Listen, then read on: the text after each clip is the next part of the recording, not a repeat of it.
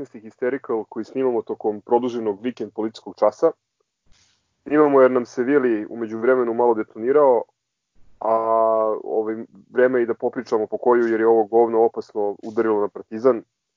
Prethodnih dana nam, su nas napustili Borozan, Gruja iz teninskog kluba, Miša Tumbas, eh, Aćim iz Lazarevca i na kraju i Radomir Antić. Pre nego što krenemo u, u razgovor, e, samo jedan neprijatan lični utisak kada je u pitanju e, odlazak našeg Radomira Antića, jedinog pravog futbolskog mistera, ako tako mogu da kažem. E, čovek je napravio ozbiljnu, ozbiljnu karijeru i kao futbaler i, i kao trener, odnosno sportski radnik, se to popularno kaže. E, međutim, tičem utisak da, da je na civilizovaniji i adekvatniji način, na primjereni način isprećen u Španiji, u Engleskoj, nego u, u zemlji iz koje potiče. Um, ako su pili vodu izgovori nekih sportskih redakcija da zbog deadline-ova nisu stigli da stave vest o smrti Radomira Antića na naslovne strane dan nakon smrti, postoje se pitanje zašto su većina njih u pričama o Antićevoj karijeri i životu koje su potom ove, usledile bacile fokus na neke potpuno bizarne stvari. Tako, na primjer, ovaj žurnal e, nam je objasnio sa sve jednom fotografijom preko cijele naslovne strane kako je e, on bio e, futbolski otac ovom lažnom misteru. Ovaj, sad ja stvarno ne znam gde je mogu da, da da ga trenira, ne znam, u teleoptiku ili u ranima Intera, prosto... Izvini, fut, futbalski otac!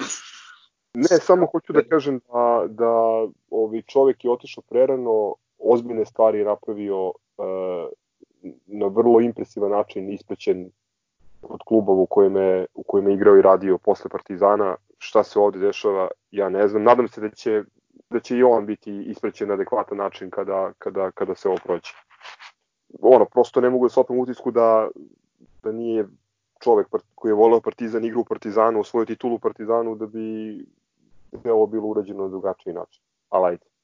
Pa, verovatno je to i razlog zbog čega nije ispraćen na dosta način od a, srpske sportske štampe. Pošto znamo Objektiv, kako su to, objektivne srpske. Kak, kakve su to govna, to, to, to već znamo dobro. Pa da, ono da je umro neki cigan, ono, treće pozivac, brate, e, žalilo bi se uh, sedam dana.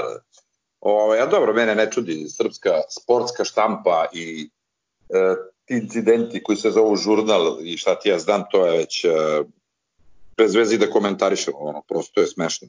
Ovaj, uh, da pozdravim prvo ja sad sve slušalce, da kažem da, da sam se detonirao ovaj, stvarno sam u ivici živaca, u stvari možda sam i prešao tu liniju, sva sreća pa sam ovaj, zarobljen u kući, inače bi verovatno izašao u kuriru, ali zaista ovaj, pokušavam da se sredim i ovaj, nadam se da ćete i vi ovaj, uspeti nekako, valjda će ovo sranje da prođe za neki normalan period, jer više je nepodnošljivo sve, ovaj, postaje nepodnošljivo i ovaj, ovo tretiranje nas kao stoke i i da ne širim temu. Izvini, o... mogu samo ja da, da ovaj pitam jednu stvar. Koliko si dana u, u zatvoren pa si se detonirao? Dobro, Boki, dobro. Ti si da, da na Karibima. Pozdrav 21. dan u okovima. Ali mm. da pređemo na ono što najviše volimo. Divan uvoz ste napravili, pošto je bilo zamjerki da je prethodna redovna epizoda bila previše mračna i negativna, ideja je bila da obrnemo stati 180 stepeni ovaj, posle ovog lepog uvoda mogli da porazgovaramo o nadražnim pobedama futbolskog kluba i o najkvalitetnijim pojačanjima šakaškog kluba. To će ići u onom drugom bloku, popularno nazvanom Lemi istražuje. Naravno, ovo su, ovo su naši lični utisci, ako se vaši utisci razlikuju ili ne poklapaju s našima ili ako vam se nešto što kažemo ovaj, ne čini e, normalnim, slobodno iznesite svoje mišljenje u komentarima na YouTube-u Soundcloudu, Instagramu i Twitteru. Ajmo, ajmo na futbol prvo. Ajde. Dakle, ako, ako, ako se igramo srpsko-hrvatsko-engleske igre riječi, navija za partizan je pleonazam. Ne možete navijati ni za kog osim za partizan. Evo, mogu ja krenem, pošto ću ja verovatno najstarije utakmice da, da spomenem, a, pošto sam ovde najstariji red je i da pričam o najstarijim utakmicama, to jest o mojim najdržim pobedama iz 80-ih i a, počeo bih od a, utakmice koja zapravo i nije bila pobeda, a nego je zapravo remi protiv a, Dinama Zagreb. To je 21. maj 83. sad sam gledao na, na sajtu statistiku. Ove, igralo se u Rupi, Dinamo je bio aktualni šampion i vrlo blizu toga da odbrani titulu i praktično to je bio odlučujući meč. A, to je ona utakmica u kojoj je Dinamo vodio 2-0 na poluvremenu, a, da bi onda, a, prvo ja mislim penalom koji je, ja mislim, Aca Trifunović realizovao, a onda i izjednačujući gol Dragana Mansea za 2-2 i za titulu te godine. Asistencija Varge. A, pravo ti kažem, ne sećam se. Jeste, jeste, sećam se. Ovaj, to nisam gledao na utakmici, gledao sam na, nisam gledao na stadion, gledao sam na televizoru. Na stadionu je bilo jedno 80.000 ljudi u Rupi, jer to je bilo ono, 25. maja se uh, je bio slet na INA, tako da se utakmice, Partizan je igrao pre sleta utakmice u Rupi, gledao sam recimo baš Hajduk 1-0 je bilo neke 85. recimo. Ove, ali ova utakmica mi je bitna i zbog, uh, zbog ove, te osvojene titule, a i zbog uh, legendarnog uh, Mansevog klizanja, one proslave gola na kolenima i dobro se sećam tog prenosa koji se završava freeze frame-om toga, ovaj, baš onako jedan od o, trademarkova Partizana je to ta Mansova proslava golova. Hoćeš li jedan kuriozitet? Kaži. Ta utakmica je a, ono, upamćena po rekordnom broju prodatih ulaznica. 75.792 ulaznice su prodate a, i sada ono procene o broju prisutnik su ono u rasponu od 86.000 koliko su ovi u hrvatskoj štampi pisali do 100.000 koliko su onako paušalno određivali, određivali ovde i, i bio ja je se pre... sećam da, da je stadion bio prepun i da je bio direktan prenos na, na ono. Na. Meni je Čale pričao o toj utakmici da je to najveća reka ljudi koju on video uh, u životu, koja ide prema stadionu. Evo, idemo malo... A čekaj, čekaj, malo... to je rekao da i za cigane? Pa ne znam, verovatno su prodali nekada više karata, ali ovo je, što se naših utakmica tiče, mislim da je rekord. Pa, da, realno. Da, mislim, definitivno najveća poseta kad je Partizan bio domaćin. Jer, recimo, to protiv Hajduka je bilo nekih 60 hiljada. Ovaj, ali ne, nije bio pun stadion, ovo je baš bio pun stadion. A, druga utakmica, nešto malo kasnije spominjao sam je i kao jedan od, od poraza koje pamtim, to je Queen's Park Rangers, naravno. I posle londonskih 6-2 a, igrali smo u Beogradu, a, znate sve o toj utakmici, ne bih mnogo ni da pričam. Samo bih da spomenem da je stadion bio pun i da su grobari a, zaista verovali da, da možemo da napravimo čudo i to je, ja mislim, dan danas jedan od najvećih preokreta u, u, u svim evropskim takmičenjima. Da, da. I treća utakmica, to je nešto takođe 80. ali nama bliže vreme, toga se verovatno i sećate, to je, to je utakmica protiv uh, Groningena u, u Beogradu.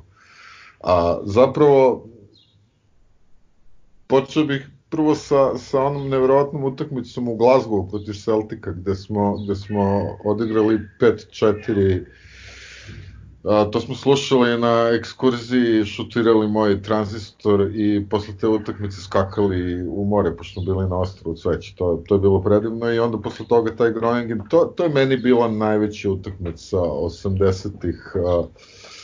Koliko je bilo ljudi, kakva je bila atmosfera, a, ok, Groningen nije, nije ono, nije Ajax, ali bila je zaista velika pobeda u tom momentu i i mi smo odigrali neverovatno. Milko je igrao, ja mislim, to je bila utakmica života. Pa i tu i u, i u Holandiji na prvoj. U Holandiji, tako je. Toga, posle toga su ga oni i kupili. Čekaj, a, to je, to je, to je doba kada Golac vodi Partizan, ako se ne varam, ovaj, to je Da. onaj, onaj najofanzivniji Partizan, onaj koji igra na gol više. Za gol više. Bukvalno gol više. I To ovaj, se sećate komentarisali ono kad smo Savu komentarisali pa smo se prisetili da je, da je u Jesmo, stvari jesmo, Sava ali- najsličniji tome sad. Jeste, ali, ali, ali golac je zaista ekstrem u tome bio. Mislim, to je... Uh, pa evo, Naravno. samo, samo rezultati uh, protiv Celtika smo igrali uh, 5-4 smo izgubili u gostima, a protiv Groningena smo izgubili 4-3. Da, da. Bila je ona utakmica protiv Osijeka koju svi pominju, ove, gde je završio utakmicu u formaciji 4-2-4, ono sa Đurđevićem na... Čekaj, on, on, on, on je nešto neverovatno gde je Osijek vodio, ne znam koliko, i onda smo istizali, da, da, to, to je neverovatno. Ne znam tačno koji je bio rezultat. Uh, čekaj da pogledam, možda mi je tu negde... 6-4. Da, 6-4, 6-4, da, mislim, neverovatno. Oni su nešto vodili, tipa, ako ne i 4-0, ali tu nešto. 4-0, 4 ja mislim, jezivo je bilo.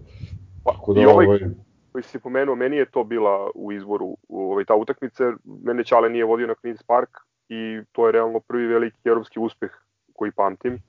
Osim ovih stvari koje si ti naveo, krzatog stadiona sam bio na zapadu tad sa, sa Ćaletom s njegovim društvom. Sećam se i Milkovih spektakularnih helanki. Da, Ovaj, da, da, da, da. Fantastični Milko Đurovski, zaista. Ovaj, I nekako, to, su, to su neke utakmice, pored onih, ok, bilo je i derbije, bilo je toga, ali nekako te tri utakmice su mi obeležile te davne 80. A sad ne bih, da, naravno, kad govorim intimno o, o, o meni najdržim pobedama, to su mislim, svakako ono dva prolaza u Ligu šampiona u Newcastle i u, u Briselu, ali pošto su dragi kolege prisustvovali, pretpostavljam da će oni o tome pričati. Dobro, da, ali ajde, sad mislim, dobro, to, to su naravno ono, za, za istorijske pobede, ali znaš, ono, kao, kao i pobede protiv Cigana, znaš, ono, sve pobede protiv Cigana su mi kao deca, znaš, ono, sve su mi drage, tako da, Pa vidi, to stoji, definitivno. Pa sa činjenicom samo da je meni Anderlecht, na primjer, ono najlepši dan u životu. To, niš, ja veći, veći količinu, veću količinu sreće nisam doživeo nikad. Ono, ja nisam dobio Ajde. dete, makar da znam. Ajde, Tako da, ovaj, to je ono, aj, Anderlecht. mi- aj sad ja, pože, pošto smo tu, ono, hronološki krenuli, pa da, da kažem ja ovaj, neke moje utiske. Prva, ono, kažem, i pobeda Partizana, ali ono nešto š, što ću pamtiti ceo život je bila Roma ovde. Ovaj, to pre svega zato što sam tad prvi put kročio na jug, znači nepunih 13 godina. E, prvi taj utisak e, da sam došao na jug, znači vodio nas je Ćale od drugara iz kraja, naš četvoro smo išli klinaca i ovaj i njihov ćale, njegov ćale, ovaj i to je meni bilo ono prvo zato što je to u pitanju Roma koja je Roma. Za to vreme ko, ko, ko ne može da steti 88. E, italijanski futbal, e, italijanski navijači, e, sve to italijansko o, ili englesko je bilo top. Na- Znači nema ništa, ništa, to je ono Liga šampiona prosto. Ovaj, to pod jedan, Uh, po dva celo to divljanje ono skinuto ona zastava njihovim navi- navijačima komeše triumfale beše tako. Ovaj komešanje prekid sa onim zipom a cela ta ludnica mislim e, to mi je ono stvarno kažem utakmica za za za sećanje ono mislim tu tu sam postao grobar da kažem partizanovac sam bio a posle sam postao grobar ovaj Sa, druga samo da dodam, da dodam jednu stvar, dok si još na ovoj utakmici, a, urbana legenda kaže da je taj a, Zipo koji je pogodio Đanini u glavu bio original. to je verovatno ovaj Je li dalje plačeš za njim ili? a ne brate Ne, ne, ne, ne, a, ovaj, mislim da tad čak nisam ni pušio. Gianni Zanini je lepo, lepo odglumio, mislim, ne kažem da ga nije pogodio Zipo, ali ovaj, pao je kao da ga je pogodio kuršom da. To znači da kažem eto to mi je utakmica ono i kao pobeda i kao ono neš, neko sećanje predivno. Ovaj, druga utakmica e, nezavršena, ali očigledno naša pobeda, još više ne mogu ni se setiti kako to registrovano. To je Hajduk u Splitu e, 0-2 Đurđević i kad su prekinuli oni gnomovi utakmicu, palili... Kao, Omer kao Ben Johnson trčao od...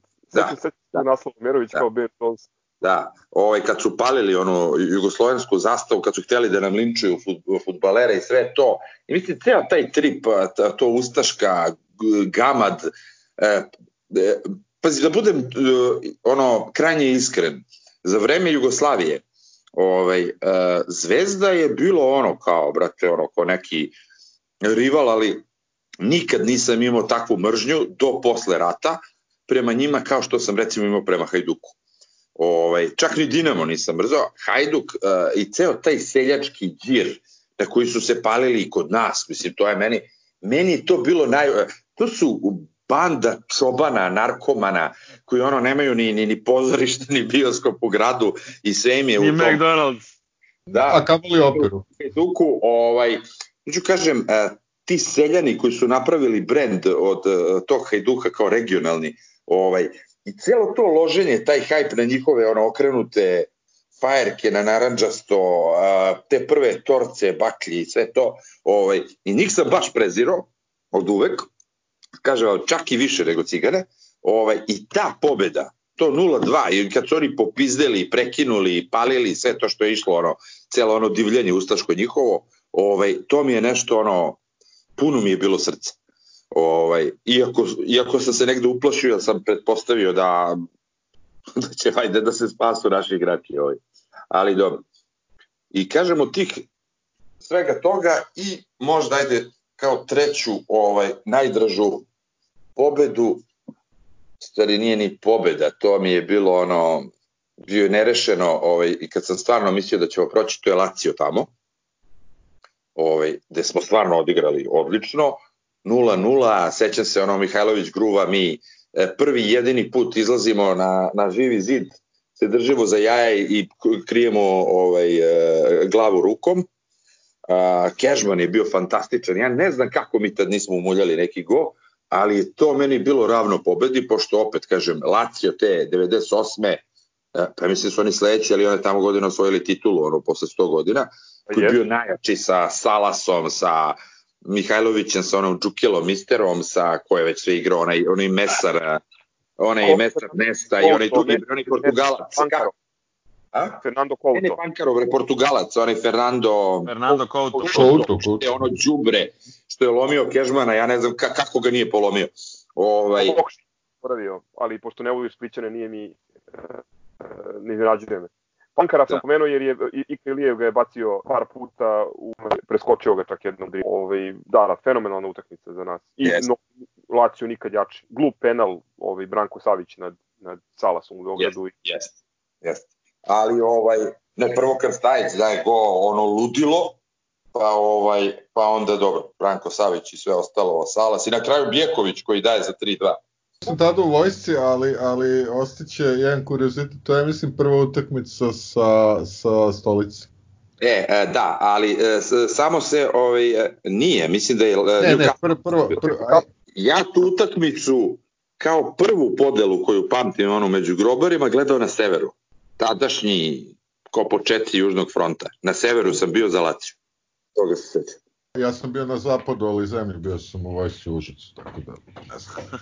počeo bih od um, finala Kupa Jugoslavije uh, 89. godine 10. maja protiv Veleža.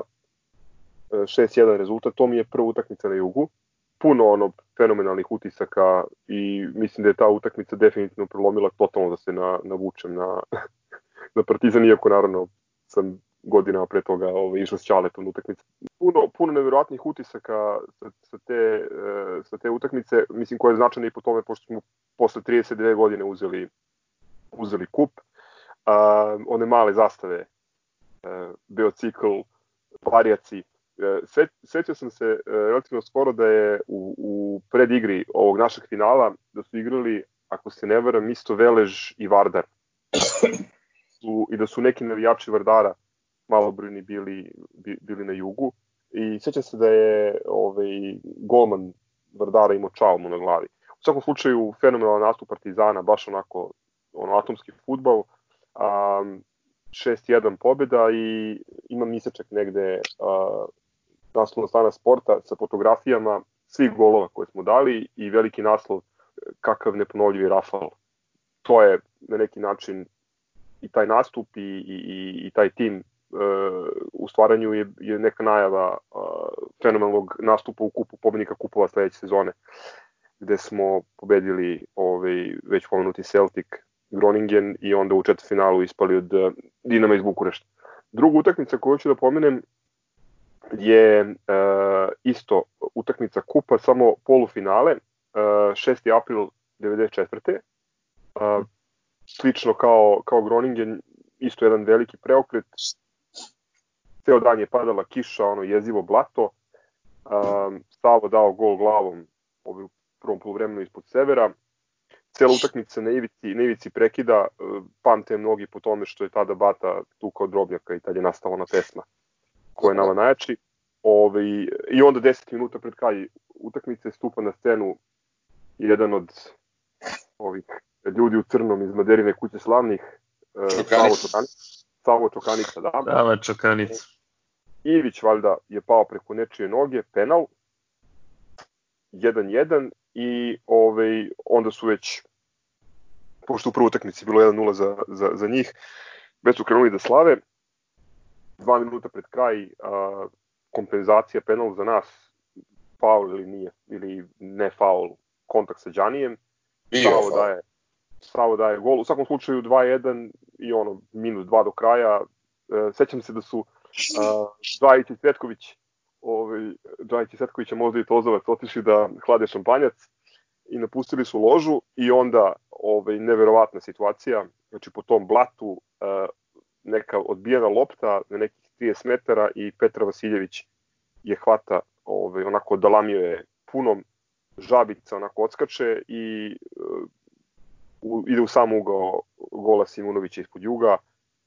Mislim da, da mlađima ono, ilustrujemo to kao primjer kad bi danas ne znam, ovaj, Igor Vujačić uh, ovaj odamio loptu sa 5 metara u derbiju za pobedu. Uh, I kao što rekao, stvar je bila u toliko slađe jer su ovaj, Džajić i Cetković otišli pre kraja utakmice da, da, hlan, da hlade šampanjac u rupi. Posle mnogo godina sam ovog Petra Vasiljevića gledao uživo u dresu Alena u, u, u Hamburgu, ali to je neka druga priča. Uglavnom, tad, tad sam ono, morao da mu se javim, da mu kažem da je zaslužen za jedno od najlepših futbolskih trenutaka koje sam doživio u Partizan u životu. Preskočit ću Newcastle, jer, mislim o njemu mogu da pričam 15 dana, to može nekom drugom prilikom. Treća utakmica koju ću da izvojim je ovaj 146. derbi. To je mm, 26. april uh, 2014 u tih 90 i nešto minuta e, su, ja mislim, sumirani, ono, sažeti su, e, sažeto je naše gradsko rivalstvo. Ali, apsolutno sve što, što naše gradsko rivalstvo podrazumeva. A, od one priče kao najava, kao je elegantan uvod u, u derbi o, o, o lepku zapaljivom za miševe na severu i planu da se zapale zvezdini navijači i onda pretres naših futbalera pre ulazka u slačionice, dva penala koje je Lukač odbranio, Drini Slobodnjak i onda onaj neverovatan centar šut Ubićevića i, i, i gol Kojića koji ono Drugi najsporiji gol u derbiju posle Da, lopta takjevog, još putuje ka golu. Posle onog Takjevog gluteo sam. Da, da, ovaj, neverovatno.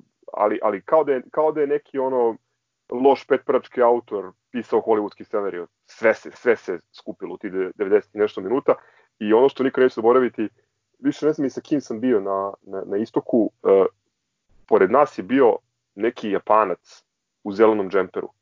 To, znači njegovu facu u trenutku kada mi ono padamo ni preko drugih, to nikad neću u životu zaboraviti.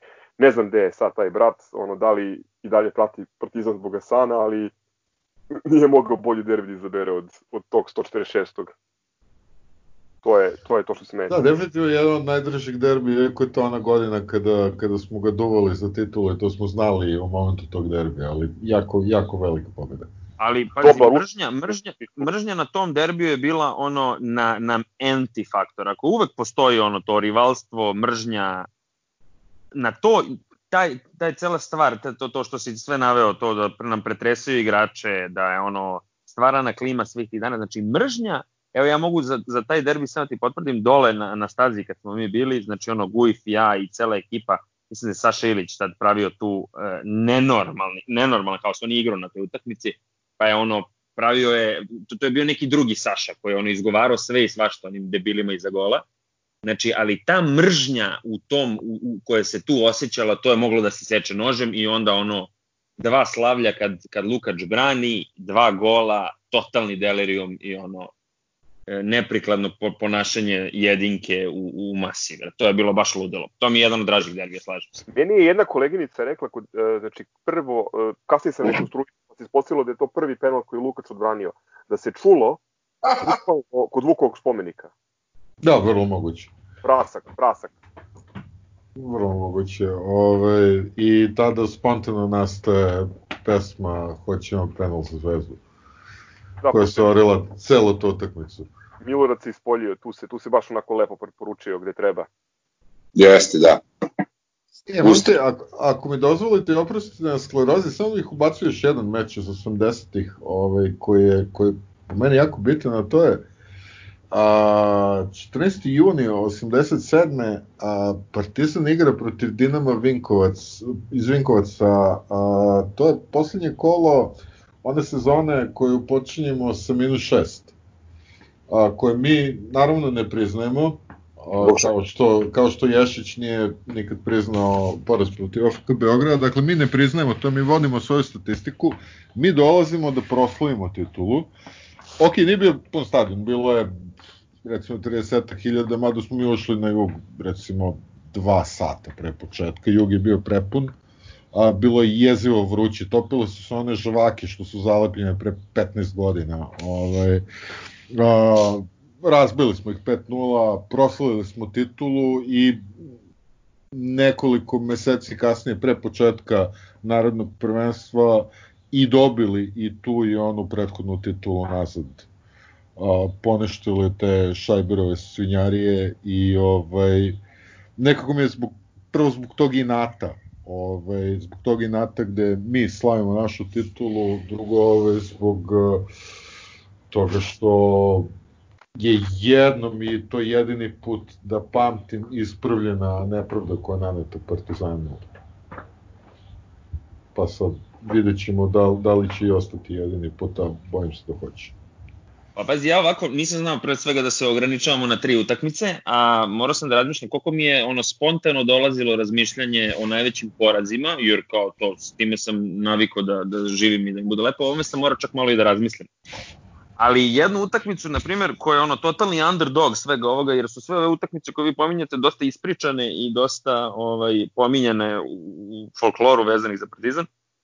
E, ja imam dve utakmice koje su mnogo značile za uzimanje titule tih godina, a nisu velike utakmice.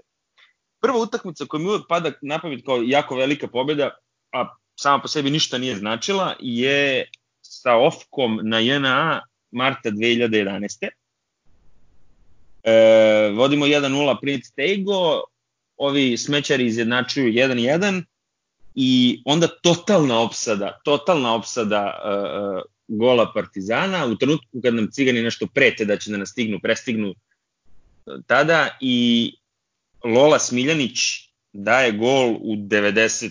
minutu Šaranovu, znači neka ono odbitak, Sale mu se sklanja ispred njega i, i, i, i Lola, Lola puca i sve snage i lopta prolazi, kako sam stavio i tada je ga iza, iza gola, lopta prolazi između ruke Šaranova i stative sa po pola santimetra sa svake strane. Znači nije mogla da prođe perfektnije od toga, da, da je išla pola santimetra levo ili pola santimetra desno, ne, pogodila bi nešto. Ovako je prošla, je ušla u go i delirium tada ono grobara koji su, koji su tad bili u dosta jakoj u dosta jakoj brojki na, na, na, na, ovaj, na jugu, to mi je znači, utakmica koja, koja mi je mnogo značila. Posle toga, generalno, e, ima dosta da se igra, ali u svakom slučaju ono, Cigani već tad shvataju da ne mogu da uzmu, da ne mogu da uzmu titulu, tu se namesti onaj, mislim da je to sezona kad je bio bio derbi na veliku subotu, ono Prince Tego 1-0.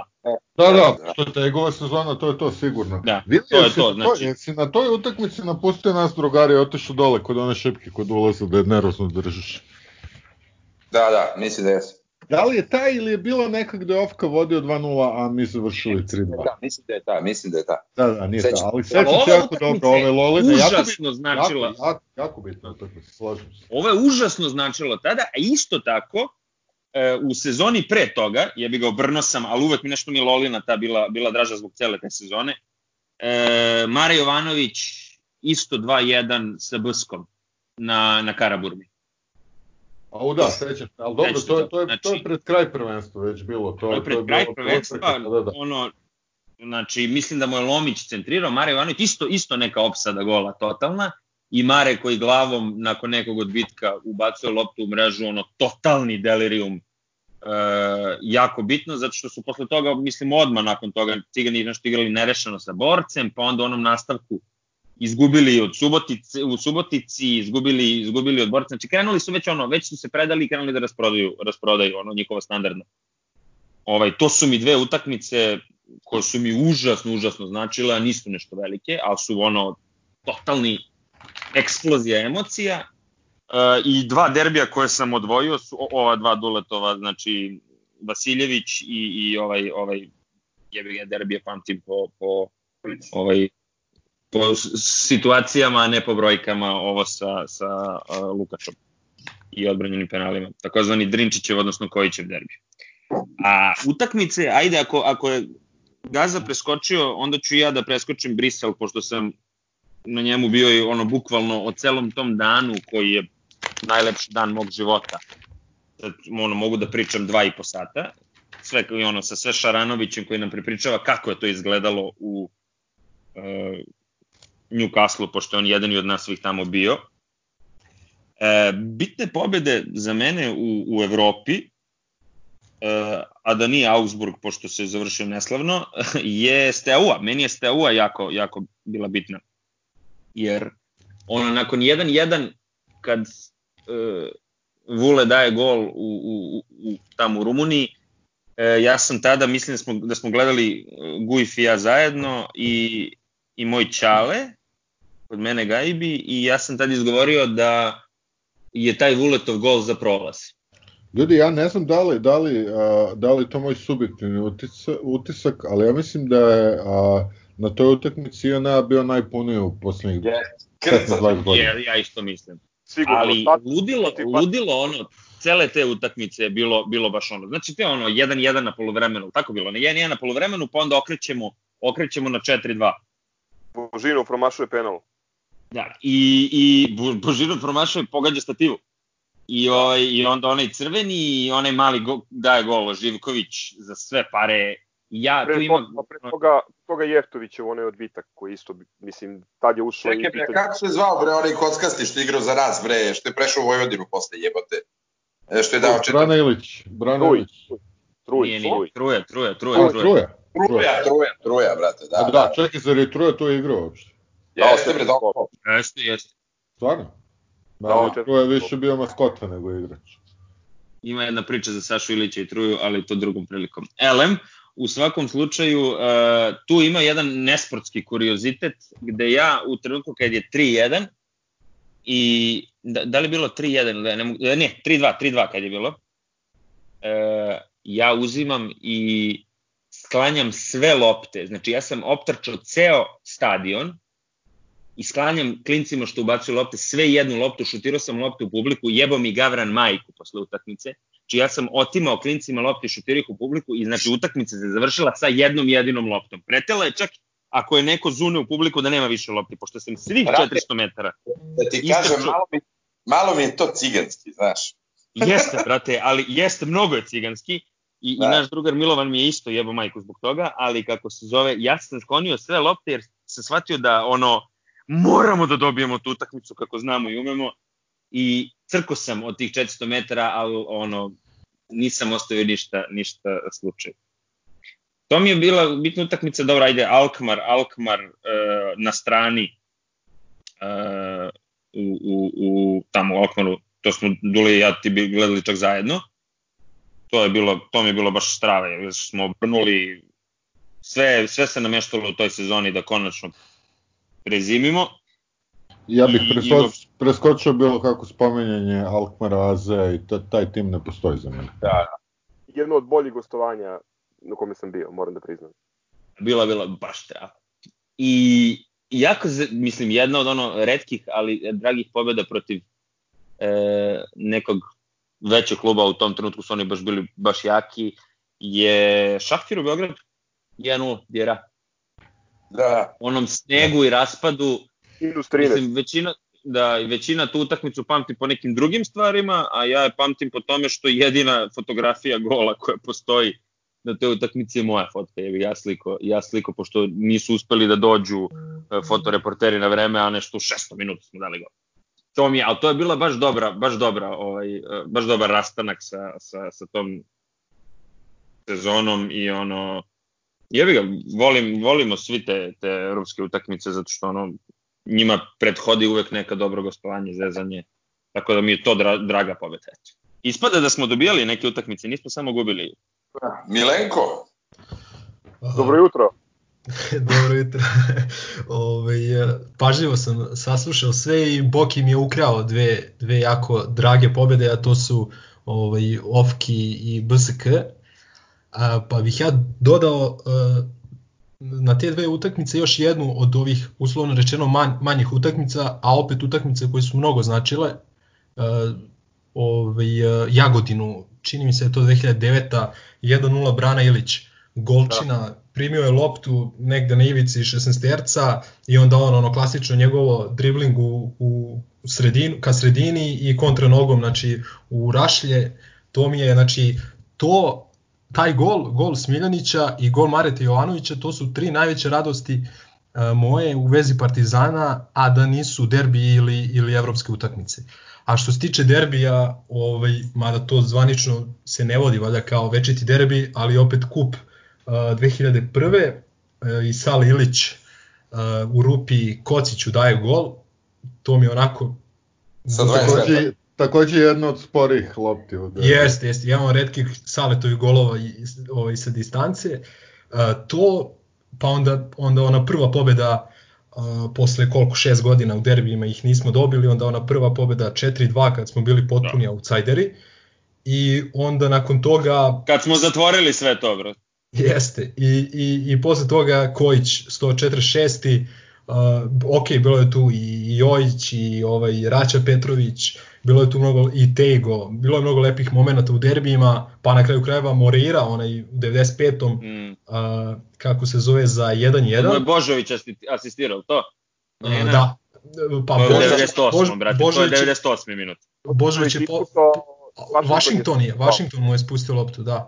Ovaj, to i isto Everton, onaj sa 40 metara ovaj, u 93. minutu, mislim, Sam to je, posle toga. Da, da, znači ono trk ka severu i ovo, igranje tamo, uh, jednostavno meni su više ti derbi obeležili, više jednostavno nego, nego, nego evropske ovaj, utakmice, ali ovaj, bilo je tu lepih momenata i onaj uh, Trumso u Beogradu kada, kada u jednom trenutku cigani idu ovaj, u grupnu fazu, a mi ispadamo i onda oni primaju 95 a mi dajemo neposredno nakon toga gol ovaj, Ivanov je dao ovaj, isto za prolazak.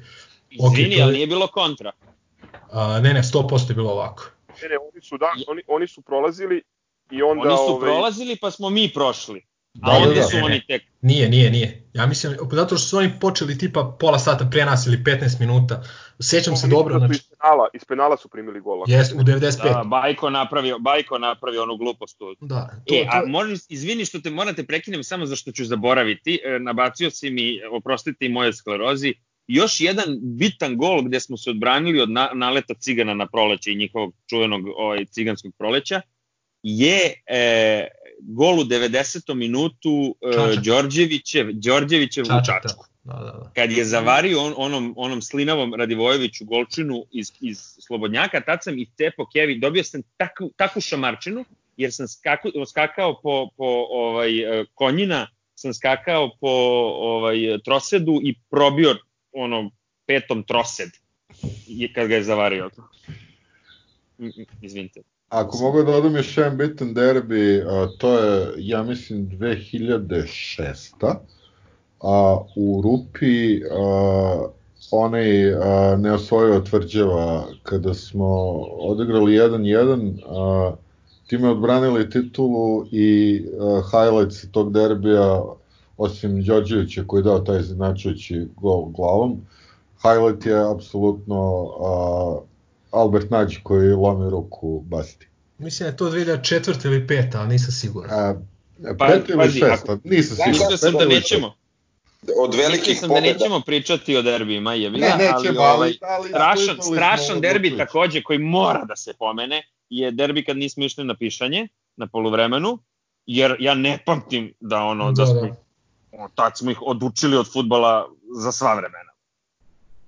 Ovaj, a, još jedna jako bitna pobeda i jako meni mnogo draga utakmica, to je možda jedno od najboljih gostovanja na kojem sam bio, bili smo ja i Dule ovaj, Žilina. To je, mislim, e, ceo taj dan i, i sve ono što je prethodilo tome i Jokana odlazi sve ono, i onda ono a, školovanje e, Brana Ilić i ko je dao prvi gol? Vijara. Ko? Djara, da. Ovaj, pa onda popizdeli Slovaci i neki kreteni Poljaci i sve ono. To mi je jako, jako ovaj, draga utakmica. Skočio si kako, kako smo posle utakmice malo te ne završili u, u Poljskoj. kako smo bruli krug od 500 km.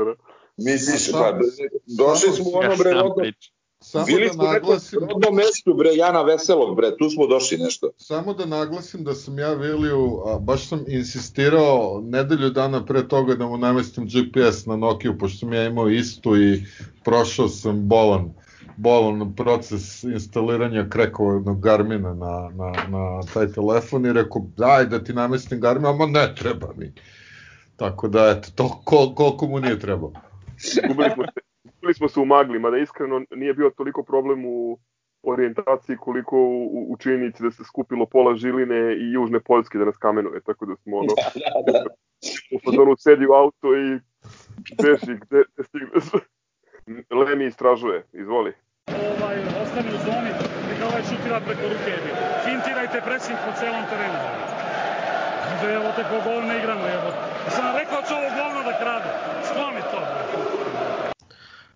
Pa da, ovaj, pošto smo se u prethodnoj emisiji bavili najvećim promašajima Partizana u prethodnih 10 godina, sad je red valjda da se bavimo i najvećim onako pogodcima, a, naravno u smislu, u smislu dođenja igrača. I ovaj i odmah napomena pošto je bilo nekih komentara ovaj za ove promašaje pominjali su se i Pete, Pete Cornell i, i ovaj Marvin O'Connor, znači fokusiram se na ovu prethodnih, prethodnu deceniju i dakle od sezone, ajde da kažem 2010. 11. pa do ove sadašnje, zato što je 2009. 10. onako priča za sebe i ovaj, tu smo pogodili manje više sa svim igračima i svim pojačanjima, mislim samim tim što smo došli do Pariza, to je valjda, valjda sasvim jasno, a ovaj, opet, dakle, bazirat ću se na uh, od, od sezone 2010-11 pa do, do ove sadašnje.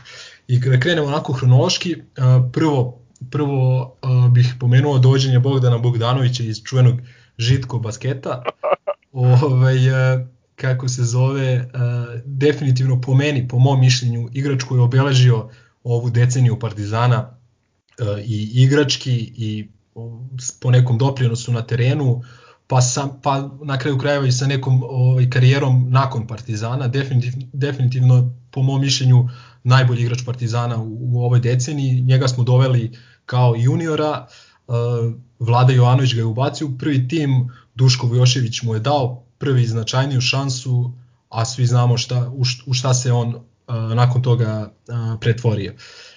Nakon toga Dragan Milosavljević, ovaj, on je isto došao iz, da kažem onako sa malim očekivanjima kao neki anonimus, mislim nije an- anonimus ovaj, onome, onome ko prati košarku, ali jednostavno nije došao sa nekim očekivanjima iz Radničkog iz Kragujevca uh, i bilo je tu problema u prvoj sezoni onako sa, sa, sa prelagođavanjem, ali kako je vreme prolazilo ovaj, Dragan Milosavljević je prestao da bude uh, Dragan Budala uh, i postao je Ga, Gagi kapitan. I on je isto ovaj, onako procvetao uh, još kod Vlade Jovanovića uh, pred kraj te druge sezone njegove u Partizanu, odigrao je fenomenalan playoff i finalnu seriju protiv Cigana, da bi onda kod Duška Vošića postao kapiten, postao najbitniji malteniji igrač i Dule je za njega rekao da kaže kad, kada bi pravio ekipu od nule, prvo bih uh, doveo Dragane Milosavljevića, pa bih onda razmišljao koga, koga ostalog da, da dodam tu. Odličan igrač, odličan stranac koji jeste tada igrao za mnogo, do, došao je onako sa ozbiljnim CV-em, iako je bio mlad, ali ovaj, nažalost ove sezone igra na, na suprotnoj strani odnosno igra na suprotnoj strani Beograda, odnosno u Železniku, James Gist, ovaj, on je definitivno, to mu je bila druga sezona, čini mi se u Evropi i odigrao odličnu sezonu u Euroligi i odigrao je i u ABA ligi solidno, KLS isto izdominirao, pamtimo ga po neverovatnim zakucavanjima, kažem šteta za ovu sezonu što, što je prešao tamo gde se ne prelazi, ovaj, možda bi mi bio i... Nije, možda nije šteta s obzirom kako igra i... Pa da, ovaj, na, i koliko platu ima, da. I s obzirom ovaj- da je pomogao da, da uzemo kup koraća. Jeste, i, i ostaje, ostaje upamćen i po onom prilasku Partizanovoj klupi, ovaj, da, da, da čuje instrukcije Andreja Trinkjerija. Apsolutno. Tako da ovaj, pozdravljamo Jamesa Gista za ove stare zasluge i ove njegove, njegove kerove koje, koje ovaj, Nebojša morao da, da, da dovozi iz Atine. To znaju ovi malo, malo bolje upućeni. A, sledeće ime na listi a, mi je Davis Bertans. On je došao iz Olimpije, došao je kao talentovan igrač, kao draftovan NBA igrač, čini mi se da ga je Indiana draftovala pa prosledila recimo, ne recimo nego prosledila ga San Antoniju ovaj, u, u trejdu u kom je učestvovao i Kawhi Leonard koji je prošle godine bio najbolji igrač na svetu, tako da eto malo zanimljivosti. Bertans kada je došao u Partizan bio je onako nebrušeni dijamant što bi se reklo, ali ovaj, velikim radom ovaj, prvo je naučio srpski jezik, posle je ostajao na treninzima, nije smeo da ide kući dok ne da 10 trojki iz istrčavanja u nizu, šutirao je sa baštenskim rukavicama, ovaj, uh, sa zemlje preko čuvene metle i eto vidimo da je danas jedan od najboljih šutera, čini mi se treći najprecizniji šuter za 3 poena u NBA ligi i učestvovao je onom takmičenju ovaj, na All Staru za, za najbolje šutere i ušao u finale čini mi se, tako da Bertans de, definitivno još jedan od onih stranaca koji jednostavno su nam ostali, ostali koji nisu stranci na, na kraju krajeva, naučio je jezik, uh, dolazi u Beograd, ostaje u kontaktu sa ljudima, vidimo da se kako se oprostio i od Miše Tumbasa, tako da je to još jedan od onih baš dragih lica iz Partizana. Milo, ako mogu samo da se uključim kod Berte, koji je meni isto jedan izuzetno drag igrač, koji je potpuni outsider, mislim, ta životna priča prvo, da je sam sebi ocekao prst dok je seko drva. Ove... Ne drvoseća, jer su mu svi u familiji drvoseća, to mi je najjače. Ove, šuter sa 2.8, sa prstom manje, uh, ginger, da, da. neverovatno, neverovatno, uh, neverovatno ovaj, uh, kako bih rekao, neverovatni preduslovi za jednu uspešnu karijeru i ono što se često zaboravlja, da sve ovo što ti sada naveo kao neke ove bitne stavke njegove karijere, on još uvek nema 28 godina. Da, da, da. Još uvek, još uvek uprko s onim nezgodnim povredama, jedan mlad igrač koji još ima prostora da se razvije. Da, on je, i to je neverovatno kako je on karijeru napravio sa dve, dve teške, teške povrede prednjih ukrštenih ligamenata, to pokazuje neku snagu volje, Ove, ovaj, zaista svaka mu čast i sve najbolje. Mislim, šta, šta drugo da kažem. Njego, jako bitno da. reći da je stariji brat igrao za nama omiljeni NBA klub New Orleans Pelicans. da, da. Veliki pozdrav Ove, ovaj, ali kuriozitet da on je ovaj nije jedini jedini uh, igrač sa četiri prsta na jednoj ruci, ali je jedini sa četiri prsta na šuterskoj ruci. Da, da. Čudo prirode, šta drugo da kažem. Ovaj sledeći na listi je Dominic James. A, sad ovi što se žale na Alzheimer možda ga se i ne sećaju, ali on je došao u Partizan, čini mi se, a, 2012. Nakon što je Miloš Vujanić se povredio na onoj poslednjoj utakmici pre dolaska, pre dolaska u Partizan. Nama Samo da Nočenić- potvrdim. Lemzi samo da potvrdim, nemam pojma ko je čovjek. Eto, znao sam, znao sam. ovaj, uglavnom, Samo da se uključim, nemam predstavu o kome pričaš.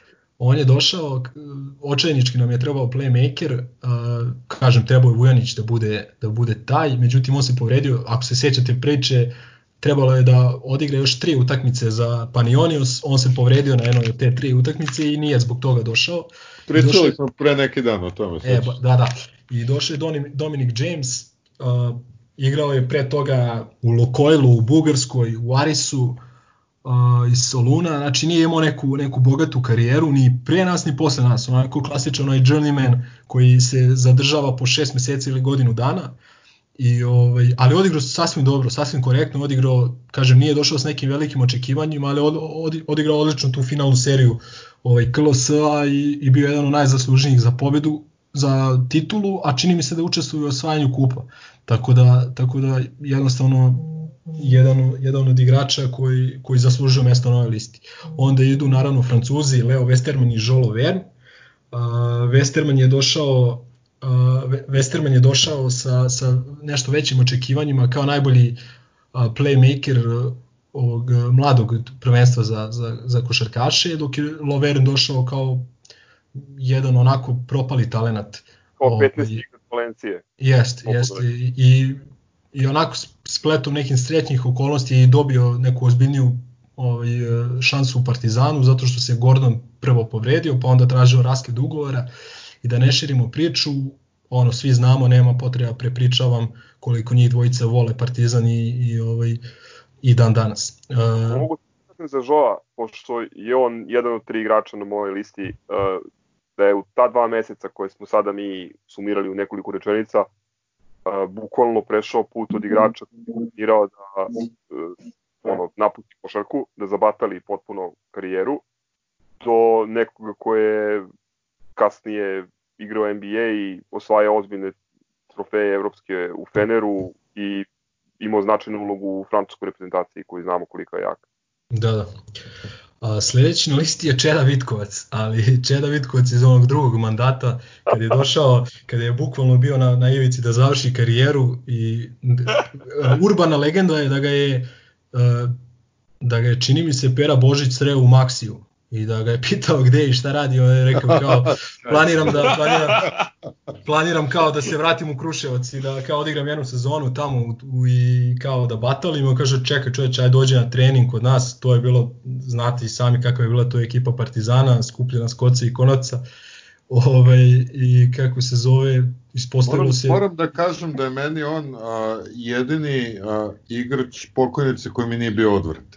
Tako da, Pa da, mislim, Dobro, on je, partizanovac ozbiljan. da, je- ali, ali kažem, dok je još igrao, za, dok je igrao za njih, ono, pre nego što, što je zaigrao za nas, ovaj, meni je to bilo kao, o, ovaj čovjek, mi- o, ovog ne mogu da mrzim. Da, bio onako, bio je fighter, uvek davao sve od sebe i kažem, tu sezonu je odigrao sasvim dobro i posle, posle ja mislim je otišao stvarno u penziju ili se povukao u Kruševac pa, pa ovaj, odigrao možda još jednu sezonu na nekom nižem nivou.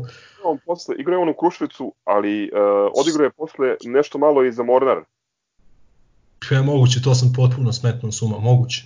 Ovaj, a isto ko, ko je tu, u toj sezoni ovaj, Jamar Wilson ili popularni Patkica, Patica. ovaj, eh, on je znao mene da nervira svojim nekim onako neinteligentnim rešenjima, ovaj, ali, ali kad pogledaš sad za koje pare čovjek igrao, mislim stvarno svaka čast. Ono, I imao je onu utakmicu u Ljuljani kad je dao 40 poena, tako da, tako da sasvim je opravdano očekivanja, to jest premaši očekivanja. Sledeći je Will Hatcher koji je u Partizanu odigrao sezonu karijere, isto je došao za male pare, igrao i pre i posle Partizana nigde nije ovaj, nešto briljirao, igrao u tom pauku dugo, ali to na nekom dosta nižem nivou, a mi kad smo ga gledali delovo je stvarno kao, kao, kao odličan igrač, zaista jedna od većih misterija kako on nije napravio nešto, nešto kvalitetniju karijeru. Nakon toga Nigel Williams Goss, ovaj, on je došao, ovaj, on je došao s velikim očekivanjima zato što je bio odličan koleđ igrač, ali zbog malo slabih uh, fizikale nije mogao tada da prođe u NBA ligu, mada eto, posle Partizana je odigrao sezonu u Olimpijakosu u Euroligi i sad je u Juti, Juti Jazz. U Partizanu je stvarno plesao je po terenu, jednostavno bilo ga je baš uživanje gledati. Uh, jedino je nešto slabije igrao odbranu, ali bože moj. I, i odigrao je recimo vrhunski to finale kupa kad smo osvojili trofej posle koliko, 3-4 godine ono, u Nišu. Dao je tipa 27 poena, 10-11 asistencija. Odličan igrač, odličan igrač. Jedan klač igrač je istovremeno velik i ono Pametnjaković. Jest. Vrlo, vrlo inteligentan Jest, jest, jest. Ali Milenko, obzirom da se sećaš da je dao 27 pojena, mislim da je vreme da počneš da piješ. Pa, popio se jedno pivo danas već, ali Ne, pa, ma, poslušat ću te. Hvala ti. Po, jednu drugu primetbu, mislim, meni se, nisam ovako shvatio ovaj, ovaj, ovaj blok Mile, moram ti priznam, pošto e, bivši igrač Gonzage koji dolazi u Partizan ne može se kaže da je igrač koga dovodimo bez očekivanja. Ja sam mislio da baš ganja malo... Gledaj, ali m, on je igrao tada u Partizanu za nekih uh, 110 120 hiljada dolara. To je onako smešna cifra čak i za evropsku košarku uh, i vukao je, vukao je ceo tim, ono praktično bio je, bio je evidentno bolji od ostatka E, ekipe i To ništa nije sporno, znaš, nego mi je, ako govorimo o igračima koji su do, ono, pogođena pojačanja i veliko iznenađenje, znaš, to može da mi bude eto, Žolo Verin, možda mi bude Mozli, uh, ajde, posle ću reći... Ili Čeda Vitkovac iz Maksija, jebi. Tako je, tako je, a ne, a ne igrač Gonzage. Ali dobro, ajde, nema veze, izvini sad. Pa ne, ali gledaj, e, druga, druga stvar je da je on to mu je bila prva profesionalna karijera i znamo i sami da bilo je tu primjera kad smo dovodili takve igrače da su se pokazali kao mačka u džaku, a ovaj, opet znamo svi neki, pominjali smo prošli put neke primere da smo dovodili ozbiljni igrače sa ozbiljnim CV-ima za ozbiljne pare, pa da se nisu pokazali. U tom nekom smislu on je po meni onako potpuno plaćanje. Ovaj, ajde, onda, onda ako, ako već nećemo ovaj, da pominjemo takve igrače, onda bih izostavio Renfroa, mada realno po meni je premašio neka, neka prvobitna očekivanja koje, koje, koje smo imali kada je dolazio. Ja mislim da je okej da ga spomeneš jer je stvarno ovaj, prebacio svoje Da, očekivanje. ali dobro, ali on je imao ozbiljan, ozbiljan CV, igrao je za, za fine pare, tako da možda, eto, ajde, da kažemo, on je, on je recimo opravdao očekivanje, nije premašio. Treba da pomenemo njegove brkove. Da, da, da, popularni brka. I, I patike koje je ofrbao u crno. i dva igrača, dva igrača iz ovog tima koje bi pomenuo, izdvojio ovaj to jest ajde da kažem uz Pejđa koji je već naš ljubimac i o kome pričamo ovaj dugo a, dva igrača koje bi stvarno izdvojio su i Ognjen Jaramaz i Vil Mozle. Ogi Jaramaz koji je došao pre svega na pozajmicu iz, iz španskog Burgosa, karijera mu je bila u padu, nije čak bila ni u stagnaciji i naravno Will Mosley, čovjek lift, a, mislim da je on najbolje pojačanje u Evropi, u evropskoj košarci ove godine, bez obzira na, na nivo takmičenja, to je jednostavno čovjek je došao da bude onako rezerva, rezervni centar, da, da on je postao igrač bez koga ekipa Partizana ne može da se zamisli.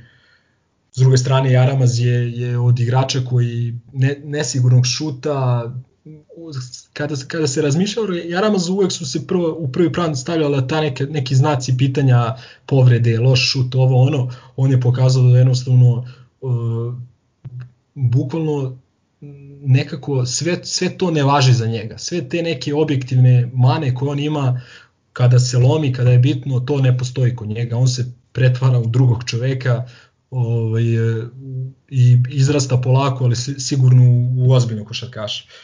I to je to što se tiče moje liste, dodao bih još neka imena koja su negde tu, tu i tamo, znači ni, nisu baš, ali ovaj, možda recimo Milutinov i Kinsi da su otišli na nešto lepši način on, ili možda kada je trebalo da odu, oni su otišli prerano, mogli su ostaviti veći, veći utisak i veći trag, pa zatim Kevin Jones i Daryl Williams koji su isto ovaj, s obzirom koliko su bili plaćeni ovaj, ok su odradili, zatim Nemanja Gordić, Reggie Redding, Banja Si i Milan Mačvan. Ovaj, tako, da, tako da to je to što se mene tiče. Mislim da Milan Mačvan možda e, prednjači u kategoriji najpodcenjenijih bitnih igrača Partizana. To, to si upravo, da. Mislim da ono niko nije toliko podcenjen koliko koliko Maki zato što ono Makijev doprinos je uvek bio maksimalan. Ali maksimalan. Dobro, ali mačvanje, mačvanje reprezentativac koji je u Partizan došao s nekim pedigreom. Ne, ne govorim, ne, ne, uopšte, uopšte ne govorim u ovoj temi o kojoj sad pričam, nego mi je ono prošlo kroz glavu da kad god pomeneš Mačvana vezano za Partizan, Mačvan je uvek bio, njegova uloga i njegov doprinos su uvek nekako bili potcenjeni. Ono, on je, ono, i, i, i, uvek je navodio da to, da, da, da mu cigani pevaju, da što je njima mnogo više smetao nego što smo ga mi voleli, a ja, mislim, ja sam ga lično uvek obožavao, pa moguće sam ja sudio. Uh, jeste, on je uvijek imao tu, uh, što se tiče Mačvana, nje- njegova, nje- ružno je, ružno je sad što, što ga pominjemo ovaj, ovaj, kroz to, ali jednostavno njemu je defanziva uvijek bila problem i uvijek je nekako ono što koliko doprinese u napadu, ume često to da prospe nešto lošijom, lošijom odbranom, ali slažem se, čovek koji neverovatno voli Partizan, neverovatno je kvalitetna osoba, Uh, dolazio je kada je bilo teško, kada je bilo Partizanu stvarno teško, one 2014. godine kad niko nije hteo da dođe ovaj uh, tako da tako da ok, slažem se. Svakako kažem, on mi je tu negde na granici, nije baš potpuno pojačanje zato što smo imali velike očekivanja kad smo ga dovodili, ali opet re, realno nemam ni srca da, da ga ne stavim na ovu listu. Ja sam se uh, ograničio na tri igrača, pri čemu je uh, Žo već pomenut.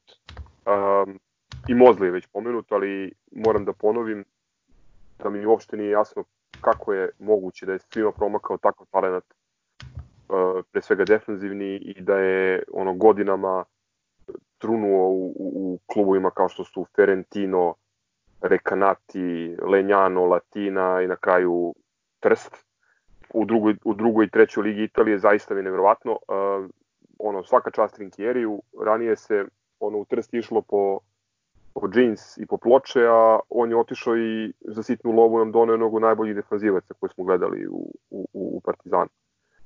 Posle mesec dana je bilo jasno da ono šta smo dobili i da je ono čovek lift ono čovek u, u radničkom kombinezonu kako kako Trinki voli da kaže, ovaj jedan e, jedan igrač čije se e, čiji se doprinos u statističkom smislu često ne vidi, ali čovek koji drži drži ekipu, on je doveden, ako se ne varam, da popunjava mesto čak um, u situaciji u kojoj je Parahovski ili Parahuski trebao da bude prvi centar, sa nekom minimalnom minutažom koju bi delio s Jankovićem, on je došao do, za tri meseca do toga da mu je pomođen ugovor novi od tri godine. Ta neverovatna energija koju unosi i u ekipu i u gledalište kroz atraktivne poteze, zakucavanje rampe, izlazak na, na perimetar, preuzimanje, uzimanje lopti, istrčavanje kontri. Mislim, prosto ne znam pa od ovih njegovih ludačkih poteza, ako pogledate e, highlighte koje sada no, dokoni e, social media menadžeri ABA lige i Eurokupe izbacuju prilike Mozlije na svakoj drugoj ili trećoj, e, svakom drugom ili trećem snimku je neki njegov potez. E, pri tome, mislim, čovek koji je zaslužio apsolutno sve što mu se dešava posle one velike porodične tragedije i mogu samo da kažem da ćemo ga dugo gledati u, u, u desu Partizane, da ćemo se zajedno radovati. Nadam se. A, E, a izvini, samo da, da iskomentarišemo samo to, samo se seti hejta na, na pre svega Twitteru kad su ga doveli. Ma, znači... To se graniče, to, se, to nije bilo komentarisanje, to je bilo hejtovanje. To je bilo u fazonu da smo doneli, do, doveli ono jednorukog džeka, svi bi bili u fazonu pa makar ima jednu ruku. Ovom su jebali majku svi redom. Pa ne, to je, mislim da je tu bio problem, um, da je tu bio problem netrpeljivost koju jedan, e, kako bih nazvao, krug, jedna sekta ima prema Trinkjeriju i oni su u suštini videli u, u, u Mozliju a, ili želeli su da vide neku njegovu kombinaciju koju on doveo. Mislim, aj sad da kažemo, e, puno ljudi ga verovatno nije gledalo pre toga i nije moglo da nasluti šta smo doveli za, za, za neku, neku, neku siću. Ove, ali ajde, bilo pa prošlo, ove, mislim da, da je nepodeljene simpatije navijača Partizana dobio i mislim da e, ima preduslove da bude jedan od najboljenijih stranaca koji je e, nosio dres Partizana, ali o tom potom. A, samo, da, samo da napomenem, a, dugo vremena se nije skandiralo ni jednom igraču Partizana da mazle. Da, i to je, i to je tačno. Moram da, znači, treći moj izbor, moram da izađem iz okvira koji mi Milenko dao, ali e, razumeće u čega. Um, tačno je da smo 2010 igrali Final Four da je ta ekipa bila nešto posebno, ali ja moram da pomenem Aleksa Marića. pre svega zbog toga što su mi oni i Žolo Vernj bukvalno simbol onog duletovog čarobnjaštva ili trenerskog autorskog pečata o kome, o kome govorimo stalno i koji svi jako volimo. Svako može da kupi NBA škart ili da pokupi odbačene ono, scouting beleške SNCA-a i da dovede igrača koji nije prošao na draft ili ono što često imamo priliku da vidimo ovde u, u, u jugozapadnom pregrađu Beograda da uđe u finansijsko nadigravanje sa turskim i ruskim euroligašima. To svako može da uradi, to može i, i moja baba. Um, ali ne može svako da pronađe čoveka koji je ono igrao na srednje žalosnom koleđu, potom bio epizodista u, u još nebitnije ono Granadi u, u španskoj ligi i onda u roku od ne znam, pola godine došao do prve petorke Eurolige i, i onog neverovatnog nastupa protiv Efesa, ako se, ako se ne varam u turniru, ovaj, koliko ima, 34 poena. 16 koliko? Kokova indeks 49, koliko ima, nemam pojma, ono, ja mislim da je bio te sezone jedan od rekordnih indeksa u, u ovoj korisnosti u, u Euroligi. Tako da, Alex... Treba opet da se nasme. 15 kokova, Nastavi dole, zvi.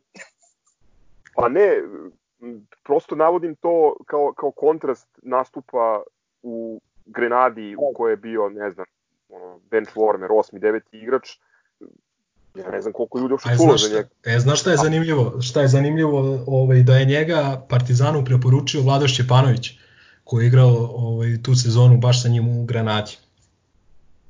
Odlično, eto, jedan, jedan sjajan jedna sjajna preporuka za, za Šćepin CV, onda ako je uspeo da, da, da. tako ocira.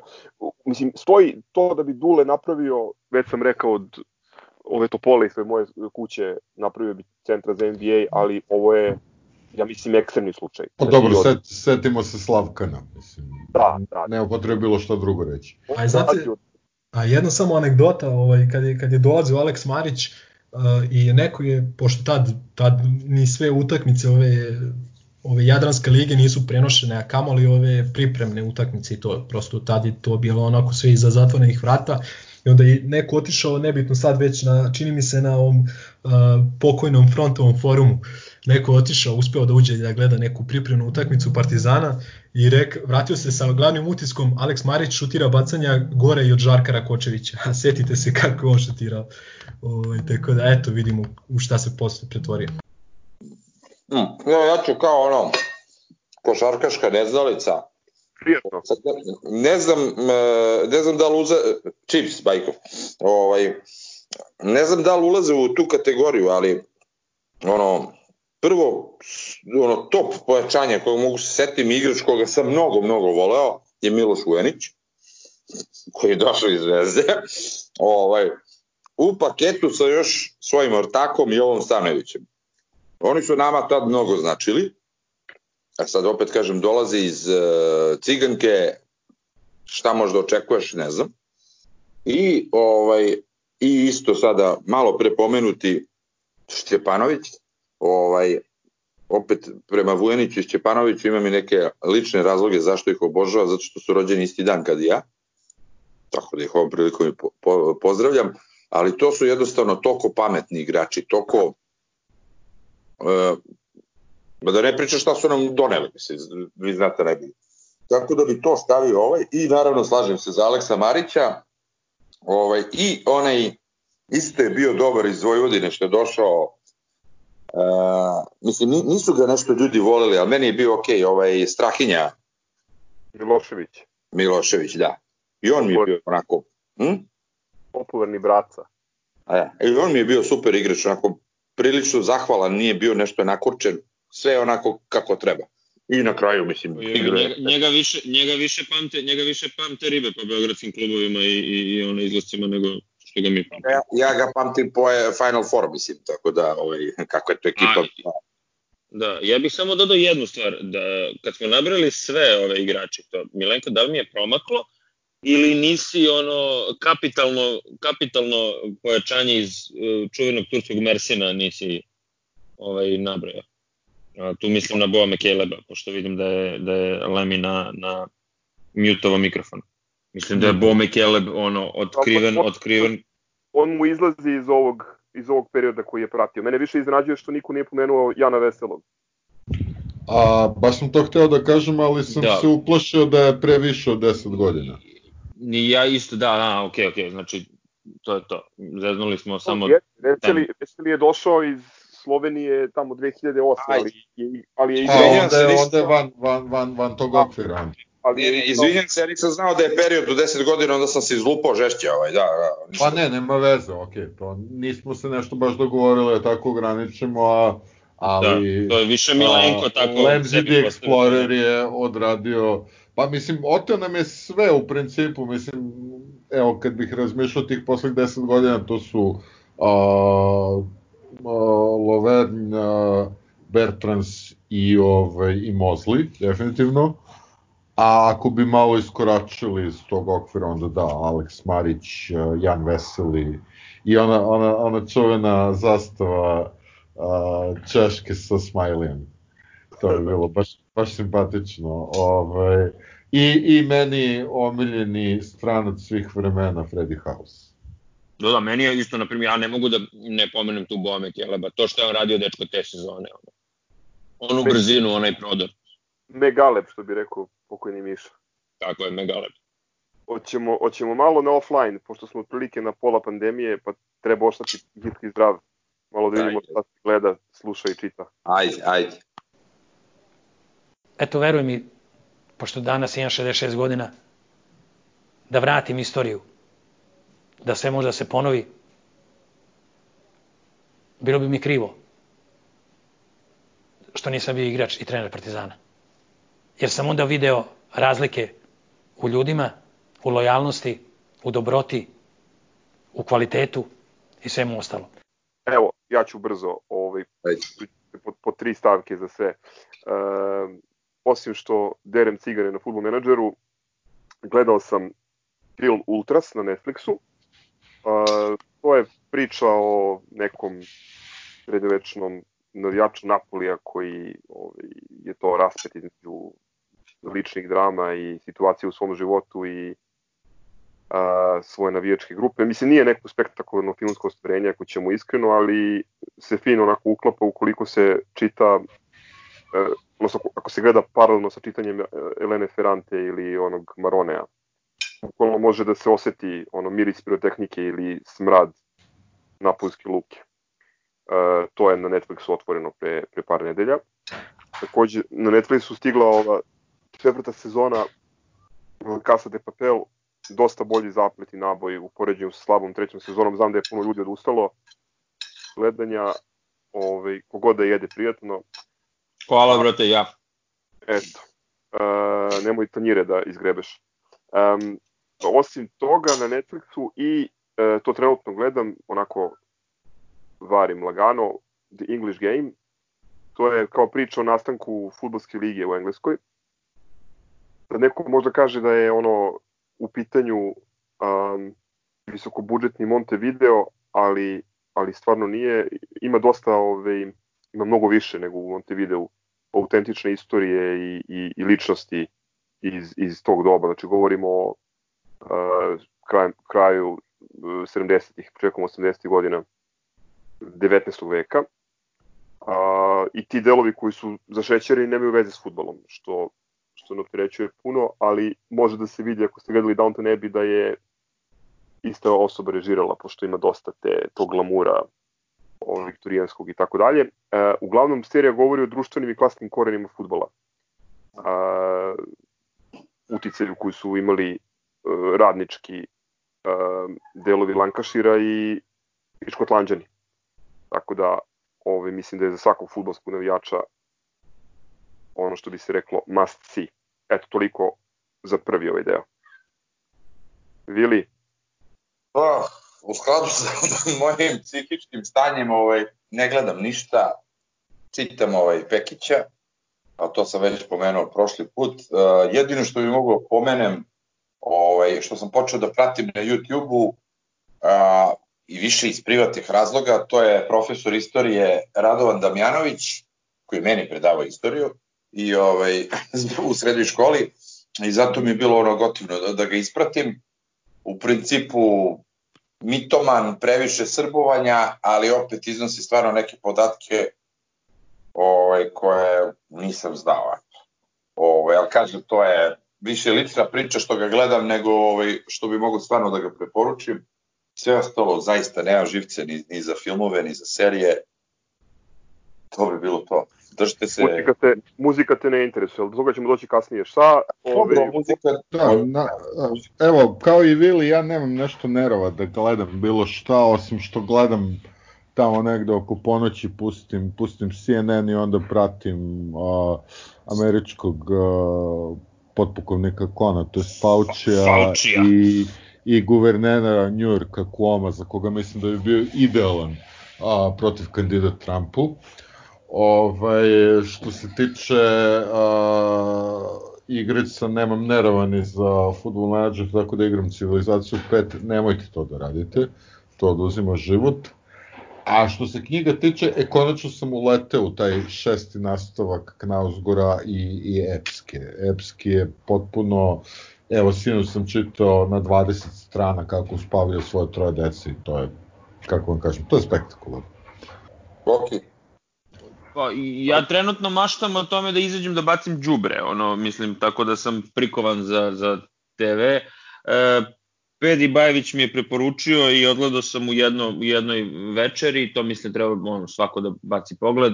E, Unorthodox na Netflixu e, priča o hasidskim jevrejima i ono totalnom sudaru te kulture sa ono, svetom, zapadnjačkim svetom na, u kojoj se, se priča odvija. Zanimljivo je onako više nego što je kapitalan uradak, te sa neke voajerske strane radi da to gledaš, tako da je to zanimljivo.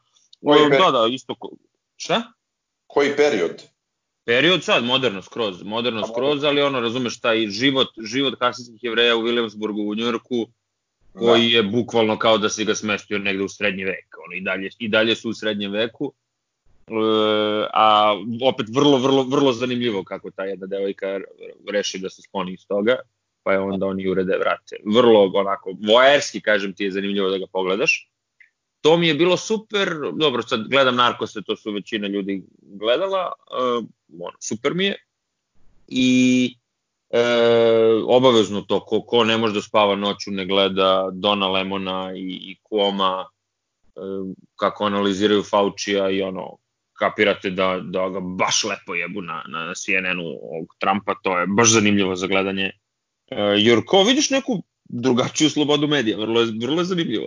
Fenomenološki je dosta zanimljivo iz ove perspektive ono, zatvorenosti u 40 kvadrata. E, tako da, a knjige, knjige sam sve pročito, nemam šta, ako neko ima da mi donese nešto, ono, vrlo rado ću da, da kako se da čitam. ko bi rekao da Amerika ima slobodu medije. Evo što tiče knjiga, par preporuka.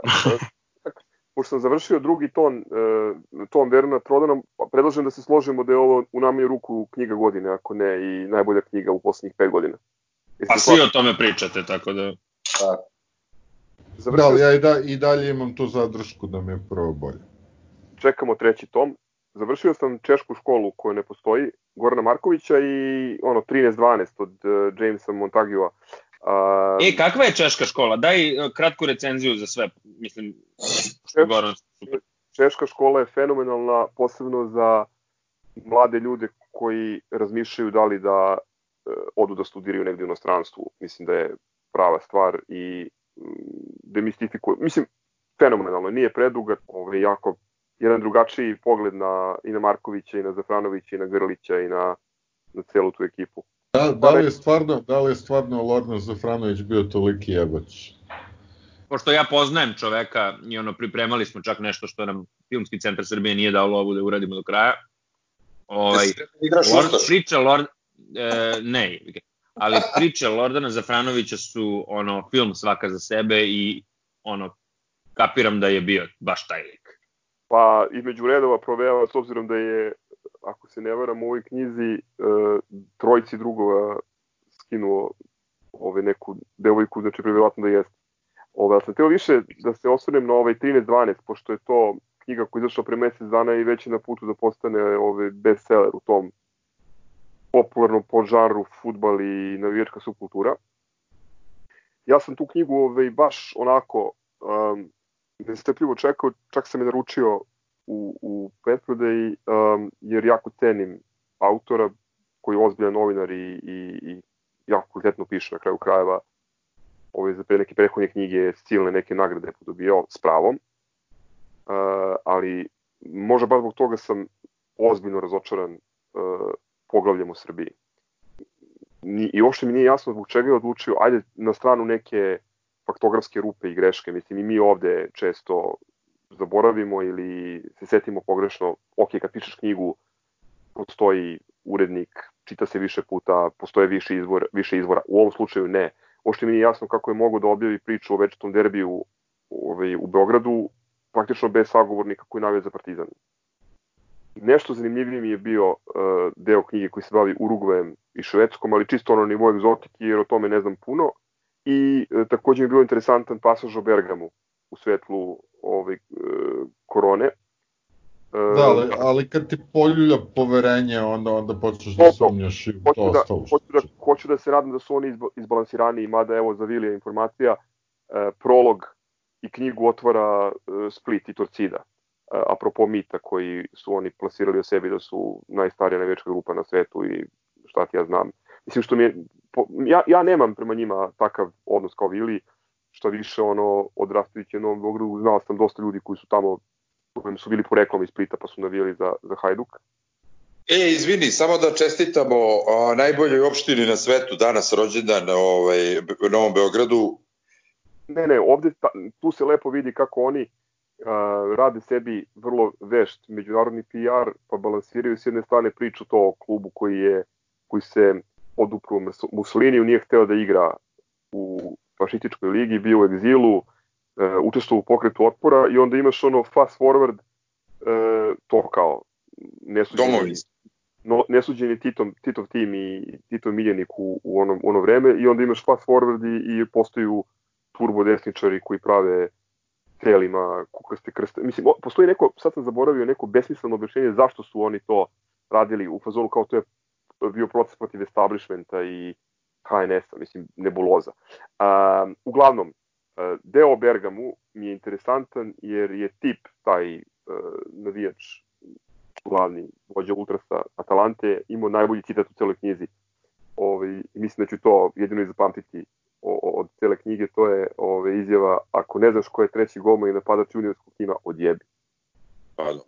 Prema kraju pa samo ne... novo vreme, odnosno nekad ugljeni nedeljnik, dosta kvalitetnih tekstova i još jedan divan nekrolog za našeg Mišu Tumbasa kad prođe policijski čas ne bilo vam zapoveđeno, idite do do kioska kupiti novo. Od, od, od strane našeg Marka Lovrića. Da. Ne, hoćemo muziku? Ajde, vrlo brzo, pošto nam je ovo... Da, brzo, brzo. Uh, ja bih predložio, ovaj, da kažem, domaći, to je beogradski, da, ne Beograd, ovaj, uh, hip-hop, to su pre svega Sick Touch, Sale True, Furio Đunta, odličan. Nišlija, mnogo smešan naglasak, mnogo dobar rep. Eto, to bi I, bilo... I za Robin Hood, brate. ne, ne, o, o. Evo ja ću vrlo kratko, uglavnom slušam streamove, dve radio stanice i zatrpavam drugari tim pesmama, ima svačega, ovo jedno je moja omiljena stanica Bagel Radio na Soma FM, to je neki simpatični uh, maturi DJ koji je prešao sa, iz Kalifornije u New York i pušta onako najmrtvu alternativu moguću stvarno za, za sladokusce, a, a druga, druga stvar je BBC 6, njihov muzički radio koji je zaista vrhunski ovih dana. Crk, ono, ti pratiš samo one ko pređe s ova predlega, pregleda na YouTube-u da mu umre majka, da? Taj se prodao, naravno. Taj se prodao. Komercijalizovao se i prodao se, prodao je punk i marš. BBC 6 uh, muzički i druge stanice možete slušati na uh, Radio Gardenu, ja to slušam najviše ovih dana, to mi je najgenijalnija aplikacija koju sam skinuo od kad imam mobilni telefon. A Rik si skinuo Tesla, Partizan, ono što smo prodali Real Madridu, to ništa, ne, ne. Nisam, nisam setio. Ovaj, Trodon me, Vernon Trodon me podsjetio na Kamera Silent, to je jedan ono legendarni Herbert, odnosno punk i skinhead band iz Bordeaux. Ovaj, tako da sam njih ono uzeo pa slušavam posle jako dugo vremena. Oni su svirali u drugoj polovini 80-ih, dok je njihov pevač Gilbert Ren, ovaj, dok se nije, dok nije pukao, ovaj, poludelo, poludelo mu glava od što oplička banku, onda je pobegao u Španiju. Ovaj, Zvuči kao dobra ideja, bre. Vidi, uh, pogledaj, pogledaj, pogledaj dokumentarac o, o, o njemu, znači zaista vredi, neverovatan život. Tamo ono, krio se u Barceloni 20 kusur godina, dobio AIDS, mislim ono ludilo od života. Da, da, da. Ove, pri čemu e, jako interesantna ove, muzi, to muzička kombinacija nekog sirovog e, zvuka i, i panka, e, angažovani tekstovi. E, njih je čak obradila grupa JNA na posljednjem albumu, ali neću da vam kažem koja pesma. Potrudite se da, da provodite sami. I za kraj e, band Talk Show čovjek zna o čemu pričam, ove, nije u pitanju prepakovani e, sastav Stone Temple Pilots, nego jedan novi, ono, got post-punk band iz, iz jugoistočnog Londona, stvarno su super. Uh, ima svega i New Ordera i uh, Nika Cave-a i onako. Malo Odlično, odlično potvrđujem. Ove, još skupljaju pare da, da snime prvi, prvi album, ali eto, Vili će da vam zameri što slušate nešto što ima manje od 1000 pregleda, ali za dve godine ćete kad dođu na exit moći da kažete e ja sam slušao ove dok ih nije, niko nije znao. Skupljali pare. Skupili pare za studio. Daj Paypal da im platimo, brate, sirotinja, puka. Boki, šta slušaš? Ma ja ne slušam ništa, ja sam ovde, ono, bukvalno ništa, slušam vas i vaše ono šta bacite ali to ima veze sa psihičkim stanjem. Ono, trenutno sam u fazonu Bobana Zdravkovića i ptičice, brate, kako da odletim iz ovog zatvora. E sad, samo ne znam da li u kategoriju štoperice ili izjave nedelje je opet e, moj miljenik e, Predrag Peđa Strajnić sa RTS-a, koji e, u ono ima dve i po vesti sportske koje treba da sabereš za, za dnevnik i on priča o tome kako je u posetu starijim e, sugrađanima otišao uh, Pankov i Aleksandar Popović, golman Crvene zvezde. Uh, prim out uh, golman Crvene zvezde se zove Zoran Popović, a Aleksandar Popović je treći, odnosno četvrti golman Partizana Majmune. Mislim da je kvalifikovan za štopericu, pošto znamo za koga navija. Onda je štoperica od druga. Ništa, ajmo, ajmo polako, pošto tek je sat i po kako pričamo, pa možda, možda ljudima je 18, odnosno tek je, koji je to, 22. sat vikend karantina, ništa ljudi, držite se, ovaj, ako upadete u krizu kao vi ili zovite drugare, puštite nešto dobro od muzike ili pogledajte Netflix, razgovarajte s Da, preporučio nešto. bih vam, nama je dosta terapeutski svima ovde, ovaj, uh, kako se zvaš onaj, uh, home party ili... House party. House party, house party. House party, house party aplikacija, kad baš puknete, onda se nađete sa drugarima, ispričate se, odigrate, odigrate neki ono, besmisleni kviz i... i može osoba u sobi da bude, tako da ono, može cela ekipa da bude. To je bilo to. Držite se, čuvajte se, nadam se da ćemo uskoro gledati Partizan. Aj, čao. Ćao. Ajmo mi. Pozdrav.